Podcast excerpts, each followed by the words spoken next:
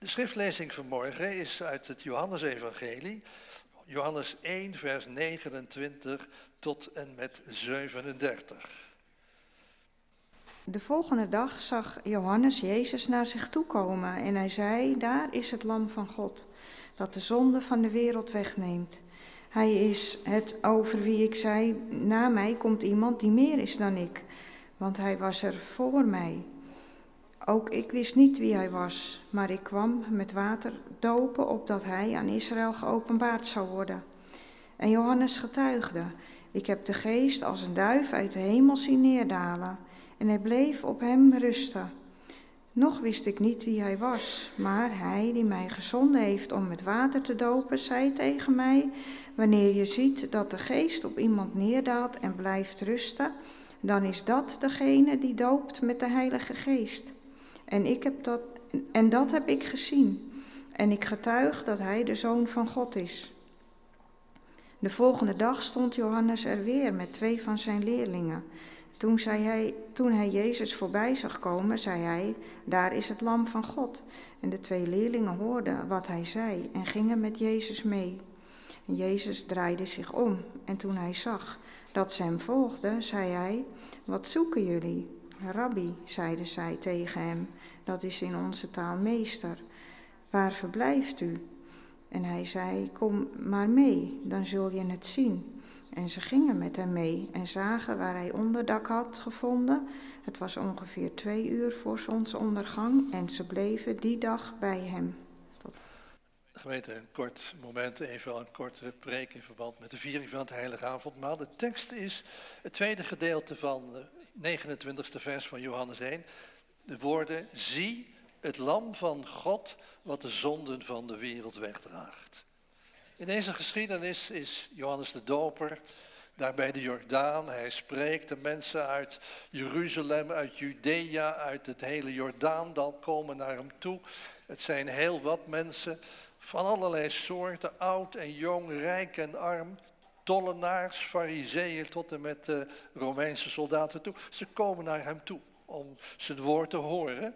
En terwijl hij bezig is, komt op een gegeven moment Jezus langs. Hij stopt met zijn preek en hij wijst op Jezus. Zegt, zie, let goed op, kijk naar hem. Hij is het lam van God. En voor de Joden was die uitdrukking lam van God heel bekend. Ze wisten, dat is de Messias. En eigenlijk even en even lang hadden ze uitgekeken naar de komst van die Messias. En, en nu zegt Johannes de Doper in één keer, zie het lam van God. Het was iets waarschijnlijk voor hen toch wel wat schokkends. Wat? Is die gekomen? Is de Messias er? En Johannes die wijst dus nadrukkelijk op Jezus. En zo zien we hem daar gaan. En als hij zegt, zie, dan bedoelt hij als het ware, kijk goed naar hem. Hij is het. En het lam van God, dat wisten ze, de Messias, is degene die komt om te betalen voor de zonde. En hij zegt als het ware, kijk nou goed naar hem. Hij is het die gaat betalen voor onze zonde. Hij is degene die zich gaat geven als het volkomen offer. En zo wijst hij naar de heiland toe. En dan denk ik even aan wat Jezus zelf zegt in Johannes 6. Wie de zoon aanschouwt en in hem gelooft, die heeft eeuwig leven. Dus wat Johannes zegt hier in, in het 29e vers en wat Jezus zelf zegt in Johannes 6, vers 40, is eigenlijk precies hetzelfde. De redder, de verlosser, de zaligmaker, de Messias. En ik ga even terug naar het Oude Testament, naar Numeri. Numeri 21. Israël is in de woestijn. En ja, God gaf ze dus uh, manna, hij gaf ze water en hij gaf ze ook af en toe vlees. Hij zorgde heel goed voor ze. Maar op een gegeven moment waren ze zo gewend aan die zegeningen van God dat ze ondankbaar werden. En eigenlijk onverschillig van God en begonnen te mopperen. En wat doet God dan? We lezen dat in nummer 21. Dan stuurt hij slangen in het lege kamp van de Israëlieten. Heel veel mensen worden gebeten. En dan staat er, en velen stierven. Dus er was paniek in de tent, heel duidelijk. Letterlijk, paniek in de tent. Want als je dus midden in de woestijn zit, kun je moeilijk naar een apotheek om de hoek om even medicijnen te halen. Die zijn er niet. Dus als je gebeten was, en er waren heel veel mensen gebeten, ja, dan, uh, dan had je misschien nog een paar dagen en dan was het bekeken. Dus echt paniek. En daardoor komt Israël tot verootmoediging voor God. En ze zeggen, Mozes, wil je voor ons bidden tot God dat, dat God die plaag wegneemt? Mozes doet dat en God zegt, maak een koperen slang en zet die op een hoge stok. En, en loop zo dat lege kamp door en zeg, iedereen die gebeten is door de slang en kijkt naar die slang die ik hier heb, die koperen slang, die wordt genezen. Dan zeggen wij misschien, ja, maar moet je luisteren, die, die koperen slang kon toch niet genezen? Nee, dat is waar. Maar God gaf dat teken en hij wilde dat degenen die dus gebeten waren zouden kijken. Kijken of niet kijken was een zaak van leven of dood. En eigenlijk zie je hier hetzelfde. Weer moest de, moesten de mensen, of het nou in de tijd van Johannes Doper is of, of in de tijd van nummer 21, kijken. Heel duidelijk. En wat zegt Jezus in Johannes 3? Zo, zoals Mozes de slang in de woestijn verhoogd heeft, zo moet ook de zoon des mensen verhoogd worden, met andere woorden naar het kruis gaan, opdat een ieder die in hem gelooft niet verloren gaat, maar eeuwig leven hebben. Dus Johannes die wijst in, in dat eerste hoofdstuk van het Johannes-evangelie op Jezus. En eigenlijk via die koperen slang, die als het ware de genezing symboliseerde, werd ook gewezen op Jezus. Als je die lijn doortrekt, dan zeg je, kijk, wij mensen sinds Genesis 3 zijn allemaal gebeten door de slang van de zonde. En door de zonde is de dood in de wereld gekomen. Toen God de wereld schiep in het paradijs, was het niet de bedoeling dat de mensen zouden sterven. Maar die, die zondeval heeft wel gemaakt dat de dood in de wereld is gekomen. Door de zonde de dood. En dan denk je, ja, hoe zit dat dan? Vergeving van zonde krijgt geen mens voor elkaar. Hoe moet dat? Het is een hopeloze situatie. Maar het machtige is, en God begint er al gelijk mee in Genesis 3, dat God zegt, in die hopeloze situatie van mensen kom ik met mijn verlossingsplan. En dat God dat deed, was hij helemaal niet verplicht. Maar Gods liefde, en dat is ook straks bij het avondmaal de liefde van Jezus Christus. Gods liefde en barmhartigheid en ontferming voor ons mensen is de oorzaak dat er vergeving van zonde is, vrede met God en eeuwig leven. God heeft een oplossing voor ons zondeprobleem. En dat mogen we ook vieren in de tekenen van brood en wijn. Het bloed van Jezus Christus, God zo reinigt van alle zonde, staat er in de Bijbel. En er staat ook in de Colossensebrief, we hebben vrede met God door het bloed van het kruis. En als ik dus kijk naar wat uh, Johannes de Doper zegt, zie het lam van God wat de zonde van de wereld wegdraagt, eh, dan mogen we tegen elkaar zeggen, ook in deze avondmaalviering mogen we kijken naar Jezus. Ja, goed, we zien hem niet met onze natuurlijke ogen natuurlijk, maar, maar in het geloof. Mogen je kijken. Zie op hem. Nou, waar moet je dan naar kijken? Nou, als eerste, ga maar naar Goede Vrijdag. Waar hij zijn leven geeft, waar hij hangt en sterft en de zonde betaalt. Dat machtige zinnetje, eigenlijk het belangrijkste zinnetje sinds Genesis 3. Een zinnetje van drie woorden. Het is volbracht. En dat zinnetje laat ons zien de grote liefde van Jezus voor ons zondige mensen. Het is volbracht. Ik heb betaald. Zo mogen we hem zien als dat lam van God hangend aan het kruis. We mogen verder kijken. We mogen kijken naar hem met de opstandingsdag. Wat is er gebeurd? Hij staat op uit de doden. En wat betekent dat? Dat betekent dat God akkoord ging met de betaling van Jezus voor de zonde. We mogen verder kijken. Eerst het kruis, dan het lege graf. Dan mogen we kijken naar de opstanding, niet alleen, maar we ook, ook kijken naar de hemelvaart. En wat zegt hij tegen zijn discipelen? Als vertegenwoordigers van de Nieuw-Testamentische gemeente die gaat ontstaan.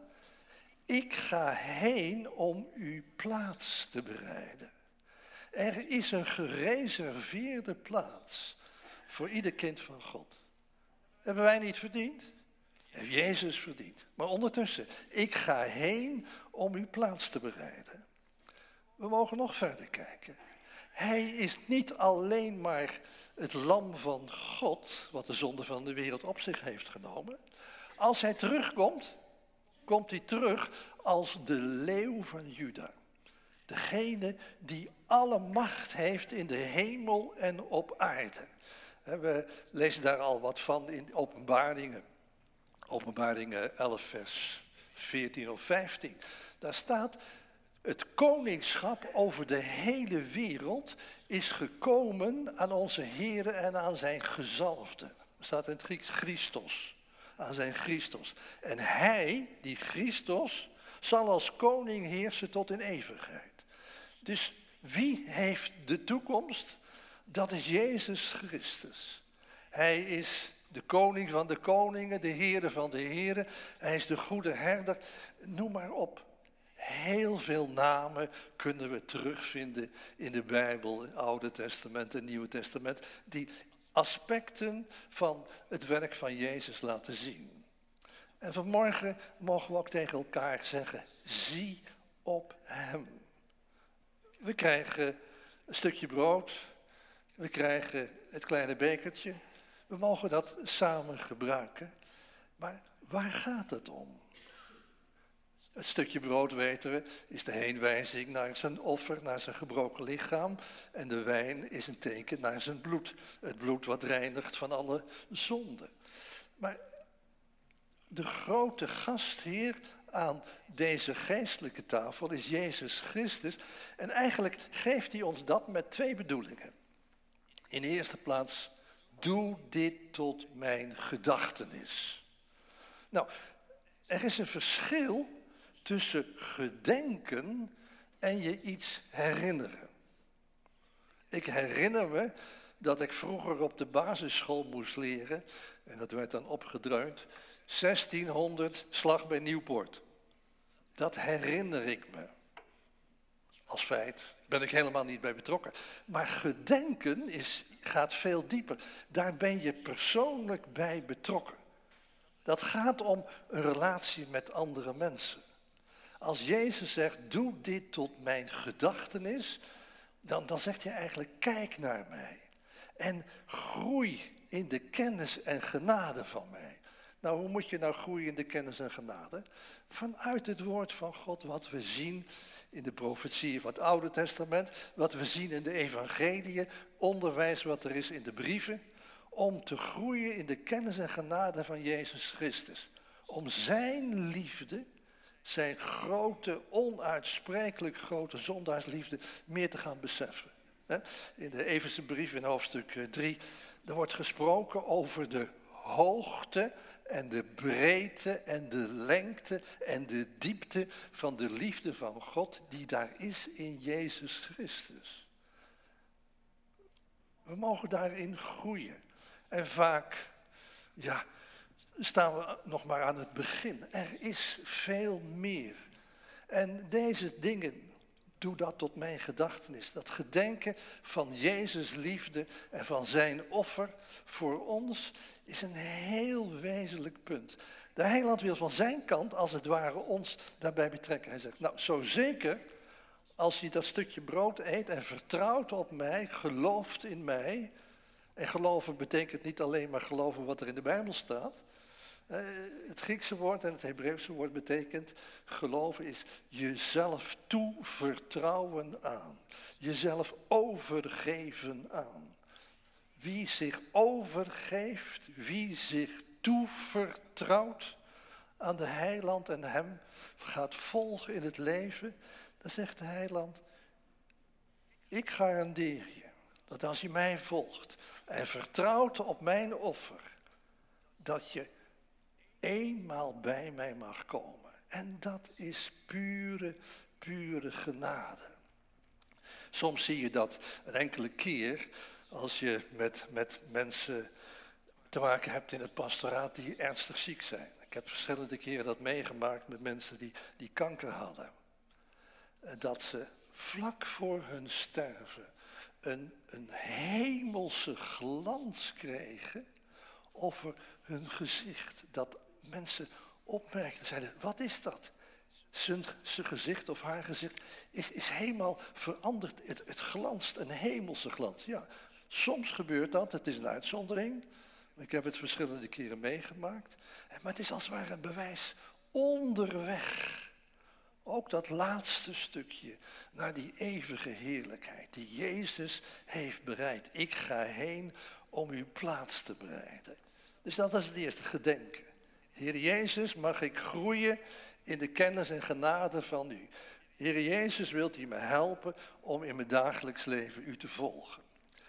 Het tweede aspect van de heilige avondmaal is, het is tot versterking van het geloof. Dat die relatie met de Heer Jezus gaat groeien, verdiept gaat worden. En hoe gaat dat?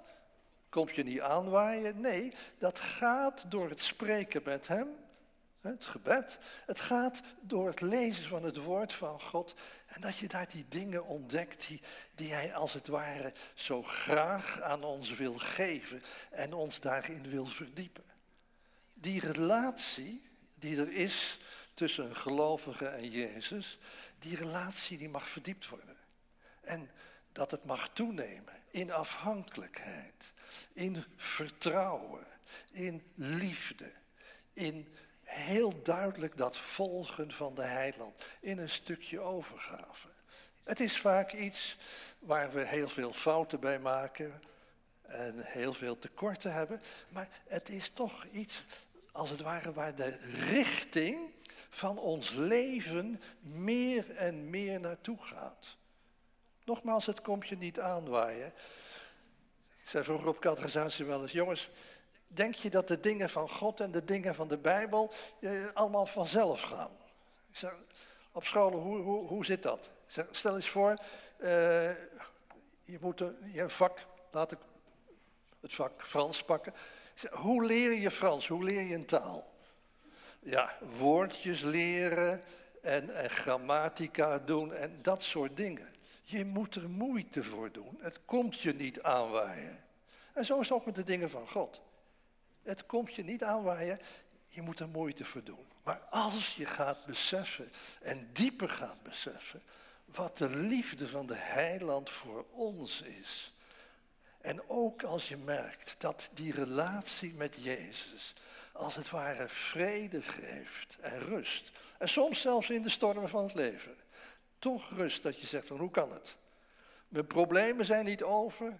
Ik zit nog in die ruwe stormen, die woede. Maar ik heb het bij mijn heiland gebracht. En hij laat me zien dat hij voor me zorgt. Nou, dat heeft hij gezegd in zijn woord. Ik ben met je elke dag tot aan de volleinding van de wereld. Het is iets wat wij vaak vergeten. Het is iets waarin wij vaak bezig zijn met onze problemen en dan als het ware naar beneden kijken.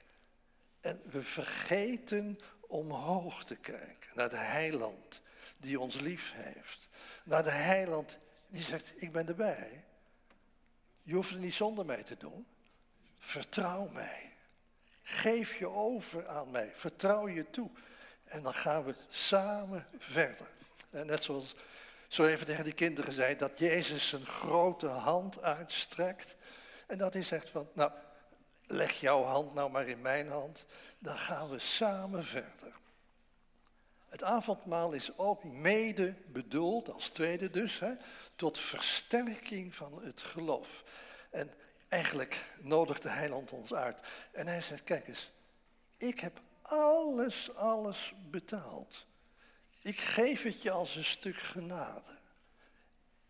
Ik heb mijn leven ervoor gegeven, maar Ik wist dat je zonder mij geen toekomst hebt. Ja, eh, negatieve toekomst, eeuwige ondergang. Maar de heiland is juist gekomen opdat we leven zouden hebben. En overvloed.